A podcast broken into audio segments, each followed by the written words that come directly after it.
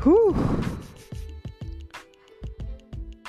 Jam 3.43 menit. Tanggal 16 Juni 2021 Sebelumnya gue ucapin selamat datang di podcast Spotify Tempat di mana gue cerita apa pun yang gue suka Curhat ke lu Cerita apa pun secara lebih personal Sama lu pendengar podcast gue Nah, sebenarnya ini episode spesial ya rencananya. Um, yang akan dirilis di tengah bulan, tapi sayangnya eh, nggak uh, bisa dirilis pas di tengah bulan di tanggal 15 ya. Karena kebetulan gue juga masih ada beberapa urusan. Jadinya gue putuskan untuk ngerekamnya di tanggal 16 ini. Nanti mungkin bakal lu denger waktu malam ya jadi tanggal 16 malam gitu. Nah um, jadi seperti yang gue bilang ini adalah episode jawabin cai edisi Juni 2021 um, di mana yang awalnya gue maunya sebenarnya uh, buka kolom komentar umum gitu di Instagram ataupun WhatsApp gue tapi karena ini episode perdananya jadi gue lebih memutuskan untuk nanyain secara personal ke beberapa sahabat gue dan teman-teman yang gue rasa akrab. Nah, di sini gue bakal gue udah ngumpulin beberapa pertanyaan dari teman-teman gue uh, tentang gue secara personal dan yang akan gue jawab kali ini gitu. Um, kurang lebih di sini ada 10 pertanyaan sebenarnya lebih sih gue gue nanyanya lebih ke lebih ke beberapa orang ya. Mungkin 13 apa berapa ya? Nah um, tapi gue kumpulin dulu 10 gitu. Uh, mungkin kalau misalnya ada yang nggak kejawab nih maaf maaf aja nih ya. Jadi mungkin bisa dilanjut ke jawabin cai edisi Juli 2021 ini gue coba mungkin ngurutin dari pertanyaan yang paling mudah gue jawab dulu sampai yang menurut gue paling susah untuk gue jawab. Yang pertama ada pertanyaan dari Lela. Oh ya ini gue juga bakal nyebutin Instagramnya. Jadi lu kalau misalnya penasaran lu bisa juga cek uh, Instagram media kenapa dia mungkin bisa nanyain hal itu ke gue. Biasanya teman-teman atau sahabat-sahabat gue yang akrab banget sama gue biasanya tuh pertanyaannya tuh seputar tindak alasan kenapa gue bertindak seperti itu sama dia. Biasanya sih itu. Ini ada pertanyaan dari Lela. Um, dari Ed Laila and Saf underscore. Ide konten sosmed biasa dapat dari mana? Um, ini sebenarnya gue juga mau bahas ya apa namanya bagaimana cara untuk menang. Mungkin di podcast lain. Cuman kalau misalnya ide konten sosmed biasa dari dapat dari mana biasanya tuh dapatnya dari Instagram atau enggak TikTok. TikTok tuh ih banyak banget. Mungkin kalau misalnya lu apa ya um, lu tahu sekarang itu algoritma media sosial itu ngebentuk gelembung bias lo maksudnya gimana sih? Maksudnya ngebentuk interest lo. Misalnya lu suka konten genre komedi. Ya maka yang ditampilin sama TikTok algoritmanya akan seputar komedi doang. Kalau misalnya lu suka kesenian melukis gitu di TikTok yang keluar algoritmanya ya kesenian melukis aja gitu. Nah sama yang gue lakuin juga gitu. Cuman mungkin gue tuh lebih ke yang mau untuk keluar dari algoritma gue gitu nggak um, nggak harus kesenian nggak harus musik nggak harus komedi juga. Bisa apa pun gitu. Um, quotes mungkin. Bahkan um, ide kalau misalnya lu lihat belakangan ini ya kan ide konten Instagram gue kan ada promosi uh, konten podcast Spotify ya. Jadi gue kan itu aslinya idenya itu dapat dari akun TikTok namanya Ishigaf. Ishigaf tuh kontennya tuh lumayan lucu gitu. Jadi dia kayak yang ada dua orang gitu berkunjung ke museum dan lu tuh jadi objek museumnya. Lu tuh jadi artefaknya gitu. Terus si dua orang ini ngomongin kita gitu. Jadi seakan-akan uh, kalau kita pegang HP-nya kita tuh seakan-akan jadi artefaknya itu terus dia bilang um, berikut adalah koleksi kami. Dia ini adalah orang yang selalu berjuang untuk orang yang tidak sepatutnya diperjuangkan. Terus si ininya yang datang ke museumnya ya silakan difoto dulu boleh. Cekrek. Terus ganti lagi gitu. Kalau lu slide ke bawah gitu. Ya um, ini orang yang se seumur hidupnya nggak tahu mau ngapain aja dan selalu bla bla bla bla gitu. Pokoknya kita tuh jadi orang yang disalahkan gitu. Nah akhirnya gue tuh mikir eh ini mah sebenarnya modelnya tuh mirip kayak overthinking gitu. Iya jadi ya udah gue dan gue ngeperas idenya lebih sederhana aja. Gimana kalau misalnya gue bikin um, ide promosi dengan lebih sederhana? Oh anjir. Satu pertanyaan aja udah 6 menit. Uh, lanjut. Kita jawab dengan cepat aja ya tapi tetap personal tentunya. Kausar emang suka ini sama dari Lela juga ya. Kausar emang suka jadi pusat perhatian ya. Wak wak wak. Aku merasa gini soalnya melucumu itu kayak bertujuan gitu um, jawabannya enggak karena gue tuh pinginnya tuh menghibur aja gitu karena kalau misalnya jadi pusat perhatian enggak sih kayaknya karena karena kalau misalnya pusat perhatian itu kan berarti kan yang yang paling ya maksudnya yang pusat kan yang paling diperhatikan gitu. Karena um, seumur hidup gue gue juga nggak pernah jadi yang paling gitu. Bahkan untuk urusan komedi gitu gue tuh nggak nggak pernah jadi yang paling. Um, gue bukan badut kelas gitu. Jadi kalau misalnya di SD gue tuh bukan yang paling lucu. Di SMP gue bukan yang paling lucu. Banyak teman-teman gue yang lebih lucu di, di SMP gue di SMA bener deh. Gue juga bukan paling lucu. Bahkan seingat gue di SMA tuh ada anak namanya itu Fikri. Panggilannya Ambon karena dia dari Ambon. Dia ngomong satu patah dua patah kata aja itu udah lucu banget gitu. Bahkan gue aja karena ya mungkin karena gue nggak punya selera komedi juga jadi maksudnya bukan gak punya selera komedi maksudnya gue bisa ketawa dengan banyak hal jadi bagi gue lucu banget gitu. Dan dan gue kan mulai mulai coba open mic maksudnya naik naik panggung gitu kan dari SMA ya kelas 11 ya gue lucu tapi gue bukan jadi yang paling lucu. Jadi kalau misalnya dibilang mau jadi pusat perhatian atau enggak jawabannya enggak. Karena um, gue tujuan gue hanya untuk menghibur dan gue selalu bukan yang paling lucu. Bahkan kalau misalnya Lela kan sama-sama dari PI ya sama kita kan satu organisasi. Harusnya tahu bahwa aku tuh bukan yang paling lucu di tongkrongan. Tapi kalau misalnya mau naik panggung bisa diadu yoi. Um, terus ada pertanyaan juga dari Mas Afif.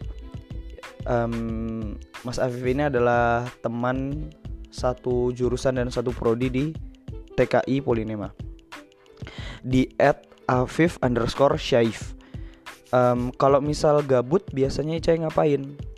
Biasanya bang kalau gue gabut sih tidur ya palingnya.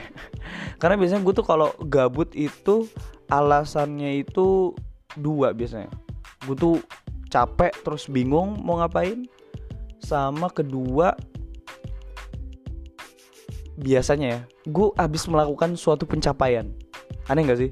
Kayak lu udah nyelesain sesuatu gitu terus lu mau ngerjain sesuatu tapi lu malas kayak anjir gue mah udah selesai gitu. Tapi sebenarnya tantangan-tantangan selanjutnya tuh belum gitu kayak misalnya mungkin lo abis baca satu buku yang lu suka gitu misalnya gue ya gue habis baca buku gitu terus gue ngerasa anjir gila gue udah udah ber udah berproses gue udah berkembang. Terus habis itu gue bingung anjir mau ngapain sekarang? Biasanya gabut-gabut gitu ya udah gue isi dengan tidur uh, makan gitu karena karena menurut gue sisanya adalah bagian dari hidup gue sih. Jadi um, kalau misalnya gue nulis gitu gue gue nggak merasa itu karena bagian gue nganggur bukan. Tapi itu adalah bagian dari hidup gue karena gue juga suka nulis. Um, nulis apa pun ya entah itu rima entah itu beat entah itu um, artikel dan macam-macam gitu. Jadi gue gue ngerasa gue gue kalau gabut ya mungkin main game juga gue suka Minecraft um, ya menyenangkan sekali sih kalau bisa main Minecraft di waktu-waktu gabut ya. Oke lanjut. Ini masih pertanyaan dari Mas Afif. Hal apa yang meras yang pernah membuat Icai merasa paling down? Um, gimana ya? Gue tuh bingung gitu nge definisikan posisi gue paling down karena gue ngerasa saking banyaknya posisi gue down gue tuh sampai lupa gitu posisi apa yang membuat gue bisa down banget gitu. Karena kalau misalnya lu tahu dan deket sama gue lu tahu bahwa gue datang dari latar belakang keluarga yang buruk. Um, orang tua gue pisah. Um, gue miskin. Dulunya ya maksudnya sampai sampai pernah nggak makan satu harian gitu. Ya apa ya jadi saking downnya hidup gue gue tuh nggak nggak nggak nggak pernah ngerasa ketika gue ada di posisi down gue mikir ah ini mas sebenarnya nggak ada apa-apanya dibanding dulu gitu jadi nggak tahu gue bagian down gue tuh di mana gitu saking kayaknya gue ngerasa hidup gue tuh penuh posisi down gitu uh, lanjut masih pertanyaan dari Mas Afif Hal apa yang membuat kamu merasa sangat bahagia menjalani hari-hari? Menjalani hari-hari, jawaban sederhana gue adalah ngobrol. Ngobrol, bercanda, itu sesuatu yang membuat gue merasa hidup sih sebenarnya. Karena kalau gue tuh bahkan gak nyaman ya um, ngontak, ngechat gitu, atau sekadar telepon. Karena gue nggak bisa memperhatikan mimik wajah, gue nggak bisa ngerasain interaksi sosial yang terjadi. Karena karena gue ngerasa gue tuh lebih interaktif kalau misalnya gue ketemu langsung ngobrol bercanda. Sebenarnya sama aja sih mau ngobrol langsung sebenarnya mungkin sama-sama seru gitu cuman bakal lebih enak kalau langsung ketemu aja gitu. Dan mungkin kalau sekarang yang ngerasa gue hidup adalah neraktir bunda sama gebetan gue makan. Iya kalau gue ngerasa itu karena karena gue ada kebahagiaan tersendiri um, untuk bisa neraktir mereka gitu. Um, Oke okay, kita lanjut. Pertanyaan dari Aji Di at Saji Prawismo Aji ini adalah teman satu organisasi juga Di Blitar Nah apa motivasi terbesarmu yang bikin kamu mau banyak-banyak bikin karya? Um, Sebenarnya motivasi terbesar gue adalah Gue pingin jadi gen bagian dari generasi yang dia tuh hidup dari industri kreatif gitu. Nah, termasuk menulis gitu. Karena kalau kalau gue ngeliat tuh banyak banget um, seleb-seleb platform gitu kayak misalnya TikTok ataupun Instagram yang ya dia hidup dari media kreatif gitu. Dan dan gue mau gue mau hidup dari situ. Um, selain mungkin tujuan gue juga pingin dikenal orang untuk bisa berbagi gitu. Karena karena gue ngerasa tuh percuma ya punya punya banyak ilmu punya banyak pengalaman ataupun wawasan tapi nggak pernah dibagi gitu. Bahkan gue juga sempat nggak suka gitu sama pembelajaran di sekolah karena gue ngerasa apa ya percuma punya ilmu yang nggak ada praktiknya dan hanya berguna ketika kamu bagikan ulang gitu. Paham gak sih? Kayak misalnya sesuatu konsep yang rumit banget gitu tapi sebenarnya nggak ada nggak aplikasinya tuh kurang nyata di kehidupan gitu. Dan ilmu itu bermanfaat ketika lu bagikan lagi ke orang gitu. Nah um, gue tuh nggak mau jadi orang yang kayak gitu gue pinginnya sesuatu yang ada di kepala gue sesuatu yang ada di benak gue juga bisa gue bagiin ke orang gitu. Semangat um, pengalaman wawasan um, ya dan apa pun itu yang pingin gue bagi aja gitu. Jadi itu sih motivasi terbesar gue.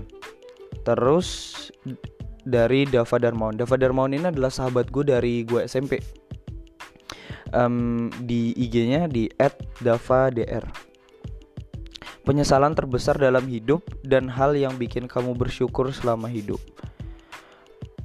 Um, mungkin pertama-tama gue jawab dulu hal apa yang bikin gue bersyukur ya? Hal gue hal hal, hal yang bikin gue bersyukur adalah gue dibesarkan oleh bunda dan keberuntungan.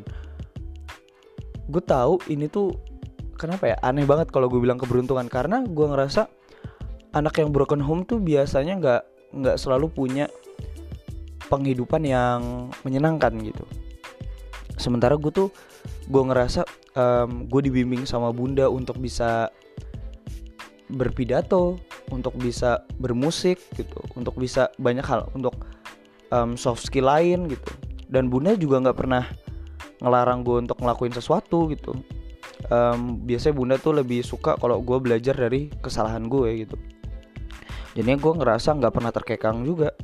Dan menyenangkan sekali betapa menyenangkannya bisa punya orang tua yang begitu suportif sama lu dalam menjalani hari-hari lu gitu. Nah um, mungkin kalau penyesalan terbesar dalam hidup nih apa ya? Penyesalan gue adalah nggak disiplin dan menghabis-habiskan waktu. Itu sih. Soalnya um, gue lupa gimana persisnya cuman ada seorang Buddha bilang kalau misalnya ada suatu kesalahan yang kamu buat dalam hidup. Ini kayaknya gue baca dari buku deh. Ada ada satu kesalahan yang kamu buat dalam hidup yaitu adalah ketika kamu merasa kamu memiliki waktu tapi sebenarnya kamu tuh nggak punya waktu gitu. Jadi gue ngerasa penyesalan gue tuh datang dari ketika gue menyia-nyiakan waktu dan kesempatan yang diberikan gitu. Karena terkadang kalau misalnya lo lagi lagi down banget juga gitu lagi tertunduk gitu um, sebenarnya apa ya Tuhan tuh selalu mungkin ketika lo lagi nyerah Tuhan tuh lagi nyodorin suatu kesempatan gitu. Nah mungkin penyesalan gue adalah ketika gue nggak bisa ngambil kesempatan itu. Biasanya sih kayak gitu. Jadi kayak yang gue bilang tadi saking banyaknya hal yang bikin gue down saking banyaknya penyesalan yang gue alami gue sampai nggak tahu lagi bingung gue mau mau cerita penyesalan gue yang mana lagi gitu. Ya tapi mungkin itu sih. Mungkin karena gue nyanyain waktu gitu Um, terus ada pertanyaan dari Pasca. Pasca ini juga adalah salah satu teman yang gue rasa cukup deket di TKI Polinema di @pasca153. Kenapa pingin banget cuti selain alasan oh ya um, selain alasan kemarin aja sih itu. Gue uh, gue sempat cerita kalau gue mau cuti kuliah dan dia nanya alasannya. Nah ini sebenarnya gue juga udah jelasin ya di podcast gue dan mungkin ini akan jadi episode di akhir bulan gitu tapi bukan bukan update edisi Juli bukan.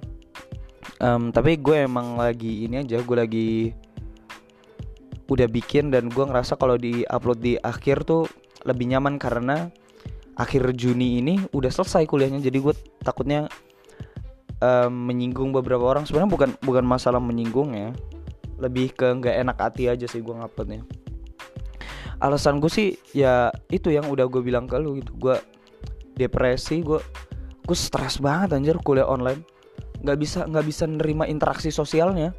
Dan gue tuh yang paling gue benci adalah ketika gue harus bikin laporan praktikum tanpa praktikum. Wah. You should know how stress I am for doing that. Lu harus tahu betapa stresnya gue ngelakuin itu. Gue stres banget ya itu sih untuk untuk ini untuk sementara terus ada pertanyaan dari Puja. Um, gue bingung mendeskripsikan dia tapi ya gitu. Um, di @puja.nf kalau misalnya bisa balik ke masa lalu dan memperbaiki satu hal kamu bakal memperbaiki apa? Gue gue nggak tahu ya apa yang harus gue perbaikin karena gue juga nggak tahu al realita alternatifnya tuh kayak gimana gitu. Maksudnya kalau misalnya gue ngebenerin ini endingnya gimana? Gue tuh nggak tahu. Karena apa ya cabang-cabang kemungkinannya tuh banyak banget gitu. Kalau misalnya um, gue memperbaiki hal yang gue rasa berpengaruh gitu. Um, kalau misalnya ya tapi mungkin kalau misalnya ada satu hal yang pengen gue perbaikin dan gue tahu ujungnya akan bahagia adalah mungkin um, gue pingin bunda nggak pernah cerai aja sih. Karena karena gue ngerasa tuh um, bunda tuh apa ya? Ya gimana ya? Mungkin kalau bunda nggak oh nggak bukan bu, bukan bukan bunda yang nggak cerai gue sih. Bunda nggak nggak berhenti dari B, BNI dah gitu aja. Gue pengen bunda nggak berhenti dari BNI karena mungkin kalau bunda nggak berhenti dari BNI dari tahun kapan mungkin gue udah menikmati hidup yang menyenangkan sekali gitu. Ya meskipun sekarang juga udah menyenangkan sih cuman seandainya gitu gue aduh gue inget banget loh. Saking saking miskinnya gue gue tuh sampai pernah karena nggak makan ya gue tuh pernah jualan roti anget. Keliling gue semingguan. Cuma buat nyari uang makan. Bukan uang jajan ya uang makan buat keluarga gue nah gue gue mungkin berharap itu sih. Gue pingin bunda nggak berhenti dari BNI um, ya ini karena pertanyaannya masih banyak kita lanjut. Ya itu mungkin hal yang pengen gue perbaiki ya. Gue pingin bunda nggak berhenti dari BNI mungkin itu aja. Um, terus ada pertanyaan dari Puput dari Ed Putri Nuruli. Dia adalah sahabat gue dari SMA um, kurang lebih dia tanya kamu itu tipe yang mendem masalah sendiri atau ngeluapin ke orang-orang? Tergantung gitu. Kalau kalau gue ngerasa tapi gue karena gue gue bilang ya di awal gue tuh orang yang suka banget cerita gitu. Gue tuh lebih milih untuk cerita aja. Jadi kalau misalnya gue rasa ada masalah um, biasanya sih gue mau cerita ke orang tuh kalau gue udah nemu lucu dan keresahan yang mendalam biasa gitu karena resah banget gitu orang lain nganggap lucu gue baru mau cerita. Um, tapi kalau misalnya ada ada juga gue masalah yang gue pendam sendiri tentunya pasti absolutely. Pasti lu punya setiap orang pasti punya mental barrier di mana lu nggak bisa cerita semua hal. Um, mungkin gue tipe gue tuh adalah gabungan dari dua ini. Jadi gue bisa um, ke dua ini gitu ada pertanyaan juga dari Aam dari Ed Aam Musama um, dia adalah sahabat gue dari mungkin gue bisa bilang dari gue SD karena gue dari SD juga udah satu sekolah sama dia tapi waktu itu sebenarnya belum temenan sih. Um, gue temenannya sama dia waktu gue kelas 8 di SMP um, kurang lebih dia tanyanya gini aku tuh sebenarnya masih bingung kenapa kamu mau banget ngorbanin sesuatu buat orang lain terus kayaknya kamu gampang ngelakuin itu. Why? Um, jawabannya adalah kenapa gue mau banget ngorbanin sesuatu buat orang lain? Karena gue percaya sama dia. Biasanya um, A mungkin mikir gini karena dan mungkin beberapa sahabat gue yang lain mikir um, kenapa gue mau banget ngorbanin sesuatu dari gue untuk dia adalah karena dia bagian dari sahabat gue jadinya dia dia nak bingung gitu. Nah sebenarnya yang yang gue mau jawab tuh adalah satu karena gue tahu return on, on investmentnya tuh apa gitu. Um, jadi mungkin kalau misalnya gue suka nraktir lo makan gitu gue suka ngasih sesuatu untuk lo itu karena gue tahu return on investmentnya apa gitu. Um, mungkin kayak misalnya gue ngajak gebetan gue makan gitu uh, return on investment dari ngorbanin sesuatu adalah kesetiaan adalah um, sesuatu yang kita sebut sebagai kesetiaan kawan mungkin ya. Jadi bukan bukan berarti utang budi, bukan, bukan. Lebih kayak yang um, mau kayak nggak ya gue nggak memungkiri bahwa mungkin yang lu cari dari berteman atau bersahabat dengan gue bukan bukan uang tentunya tapi kebutuhan emosional yang lu perluin ya sama gue juga gitu. Dan return on investment yang gue dapet tuh biasanya adalah ketenangan batin. Gue gue ngerasa lebih tenang aja gitu gue dan gue ngerasa seneng kan gue gue ngerasa seneng karena bisa bantu lo dan sebenarnya semakin dekat lu sama gue mungkin gue akan mau ngorbanin sesuatu gitu. Karena karena kalau misalnya lu tahu kenapa gue mau ngorbanin sesuatu untuk sahabat gue adalah ke, karena gue tahu sahabat gue juga berkorban untuk gue. Itu yang selalu gue terapin dalam bisnis dan konten gitu. Kayak misalnya lu pendengar sahabat gue lu adalah sahabat dari karya gue. Karena karena gue tahu lu ngeluangin waktu untuk ngedenger gue karena gue tahu lu ngeluangin waktu untuk baca artikel gue lu ngeluangin waktu untuk nikmatin konten-konten gue yang lain maka gue mau berkorban untuk selalu bikin konten yang yang gue rasa berkualitas untuk bikin konten yang lu mau denger gitu. Nah itu yang jadi alasan gue um, kenapa gue mau ngorbanin sesuatu. Karena karena ketika uh, ketika gue ngorbanin sesuatu di sisi lain gue tuh juga tahu kalau lu berkorban untuk gue. Dan gue tahu return on investment dari pengorbanan gue. Kesetiaan kepuasan batin yang gue dapat dan kebersamaan yang kita dapat. Itu sih. Um, terus ada pertanyaan juga dari siapa nih yang belum kejawab? Dari Nisa. Nisa ini adalah junior gue di organisasi yang sama tapi dia di Lumajang. Di at natori underscore kateshite. Gimana rasanya jadi anak broken home? Sejujurnya um, keluarga gue tuh nggak broken broken banget ya. Maksudnya um, dibilang broken enggak dibilang utuh juga enggak gitu. Karena um, gue nggak punya ayah tapi gue tuh ngerasain presence-nya kehadirannya bunda tuh lebih dari ayah sebenarnya kalau gue ngerasa ya. Um, gimana rasanya? Ya biasa aja sih. Ya pasti ada jatuh bangunnya ada ada ini. Tapi semasa hidup gue tuh gue nggak pernah diolok-olok. Karena nggak punya bapak gitu nggak pernah.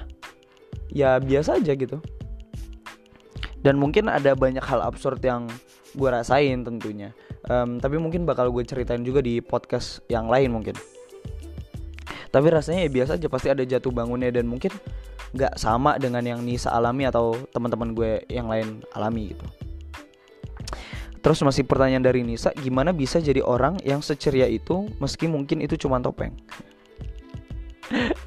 iya sih, um, jujur gue juga ini susah banget lagi pertanyaan gue jawab gimana caranya bisa seceria itu meskipun itu cuman palsu cuma topeng nggak ada ya mungkin mungkin karena satu sisi gue juga ini sih nih sih um, gue suka sama humor gitu. Jadi kalau kalau meskipun gue nggak punya selera humor yang sama tapi gue bisa tetap ketawa gitu. Gue tuh ketawa sama banyak hal. Dan kalau untuk ceria sih karena tujuan gue untuk menghibur orang gitu. Gue gue tuh tahu betapa stresnya dalam banyak kondisi dan ketika gue berusaha untuk ceria dan menghibur orang gue mau dia ngelupain kondisinya dan gak meratapi itu. Gue lebih pingin kita sama-sama bisa seneng bareng gitu. Jadi alasan gue ceria itu sebenarnya untuk membuat orang lain juga ceria gitu. Kalau misalnya gimana caranya gue juga nggak tahu. Gue tuh lebih pingin yang jadi orang yang menyenangkan buat banyak orang bukan untuk menyinggung bukan untuk membuat dia merasa bersalah dan segala macam ya gue pingin menghibur aja gitu. Ya gitu nggak tahu gue gimana caranya. Mungkin ya harus ditanamin mindset dulu ke dalam diri lo sendiri kalau um, bermanfaat bagi orang tuh bisa juga dengan menjadi ceria. Mungkin gitu sih. Gue nggak tahu jawaban konkretnya gimana. Terus ada pertanyaan lagi yang paling susah gue jawab mungkin dari Mada di at underscore you dot das Mada ini adalah sahabat gue juga dari SMP dari SMP SMA sampai sekarang Pertanyaannya sebenarnya sederhana sekali, tapi gue juga bingung mau jawabnya gimana. Gimana kondisi psikologis atau mental kamu? Are you okay? Tanda tanya. Jawabannya adalah saya tidak baik-baik saja. Uh, mungkin gue juga udah cerita di podcast gue kalau nggak salah yang update Juni kalau nggak salah. Gue udah cerita tuh, gue bilang. Gue tuh goyah sama kuliah gue goyah sekali dan dan hasil kuliah gue tuh jauh banget pak. Jauh dari yang yang namanya bagus banget tuh jauh jauh sekali. Dan mungkin ini juga bakal gue lebih jelasin lagi ke podcast yang udah gue bilang yang yang um, tentang keresahan terbesar gue selama pandemi yaitu kuliah online di akhir di akhir bulan ini rencana gue sih. Gue nggak nggak bisa bilang gue baik-baik aja sekarang. Gue stres bawaannya uas tuh aduh. Lo kebayang gak sih ngelakuin sesuatu yang lu nggak suka? Bukan kimianya maksudnya bukan jurusan gue yang gue nggak suka. Tapi metode belajarnya. Kuliah online nih aduh gila. Stres banget gue gue mungkin lebih memilih untuk hidup dari media kreatif sekarang kalau misalnya kayak gini. Capek gue aduh gila. Bayangin lo ngelakuin sesuatu yang gak lu suka setiap hari berulang-ulang. Ketika hari minggu lu bebas gitu begitu ketemu hari senin wah lu cemas lu gila gue gue pernah sampai satu malam gue tuh nggak bisa tidur karena cemas aja gitu cemas tanpa alasan dan dan gue tahu uh, mungkin karena kuliah online gue gitu. Gue yang sampai aduh ya allah keringetan gue aduh gimana ya? Kondisi psikologis tuh juga ngaruh sama kondisi fisik gue sebenarnya. Um, tapi untuk dan mungkin sebenarnya yang bikin gue hidup juga adalah ngekonten karena ngekonten tuh ngebuat gue ngerasa lagi ngobrol itu sih mungkin ngejawab juga pertanyaan dari Afif ya gitu deh nanti dengerin aja ceritanya di keresahan terbesar selama pandemi kuliah online. Uh, yaitu setengah jam, 32 menit lebih. So, um, mungkin itu aja untuk episode kali ini, episode perdana dari Jawabin Cai. Dan mungkin lu yang untuk dan mungkin untuk lu belepotan banget. Untuk lu yang denger episode ini di pertengahan bulan depan, mungkin di tanggal 10 atau tanggal 11 gue akan buka kolom komentar bebas. Jadi lu kalau mau tanya sesuatu yang personal tentang gue, tentang bagaimana gue cara berbagi semangat lu bisa denger di uh, lu bisa ngisi komentar itu dan akan gue jawab di tanggal 15 nya dan gue harap gue bisa tepat waktu ya. Ya gitu sih. Jadi um, bakal gue jawab di tanggal 15 nya jadi jangan sungan-sungan untuk tanya apa pun. Dan gue kalau misalnya gue ngerasa pertanyaan yang gak bisa gue jawab um, atau gue nggak punya keilmuannya atau gue ngerasa nggak enak untuk menjawabnya gue akan bilang gue nggak bisa jawab sama kayak tadi gimana bisa jadi orang yang seceria itu meskipun itu topeng dari Nisa ya? Gue nggak tahu. Ya gue jawab gue nggak tahu. Um, dan semoga podcast ini bermanfaat. Dan kalau misalnya lo mau tanya sesuatu yang lebih personal lagi um, gue berharap kita bisa ketemu. Gue berdoa kita bisa ketemu. Dan selain lu mungkin bertanya lu meng, uh, kita cur kita curhat bareng gue harap lu bersedia untuk jabat tangan gue dan gue ngucapin terima kasih yang sebesar besarnya ke lu karena lu udah jadi penikmat dari bagian podcast Spotify yang gue rasa adalah konten paling personal gue. Terima kasih dan sampai ketemu di pertemuan kita nanti. See you. Thanks.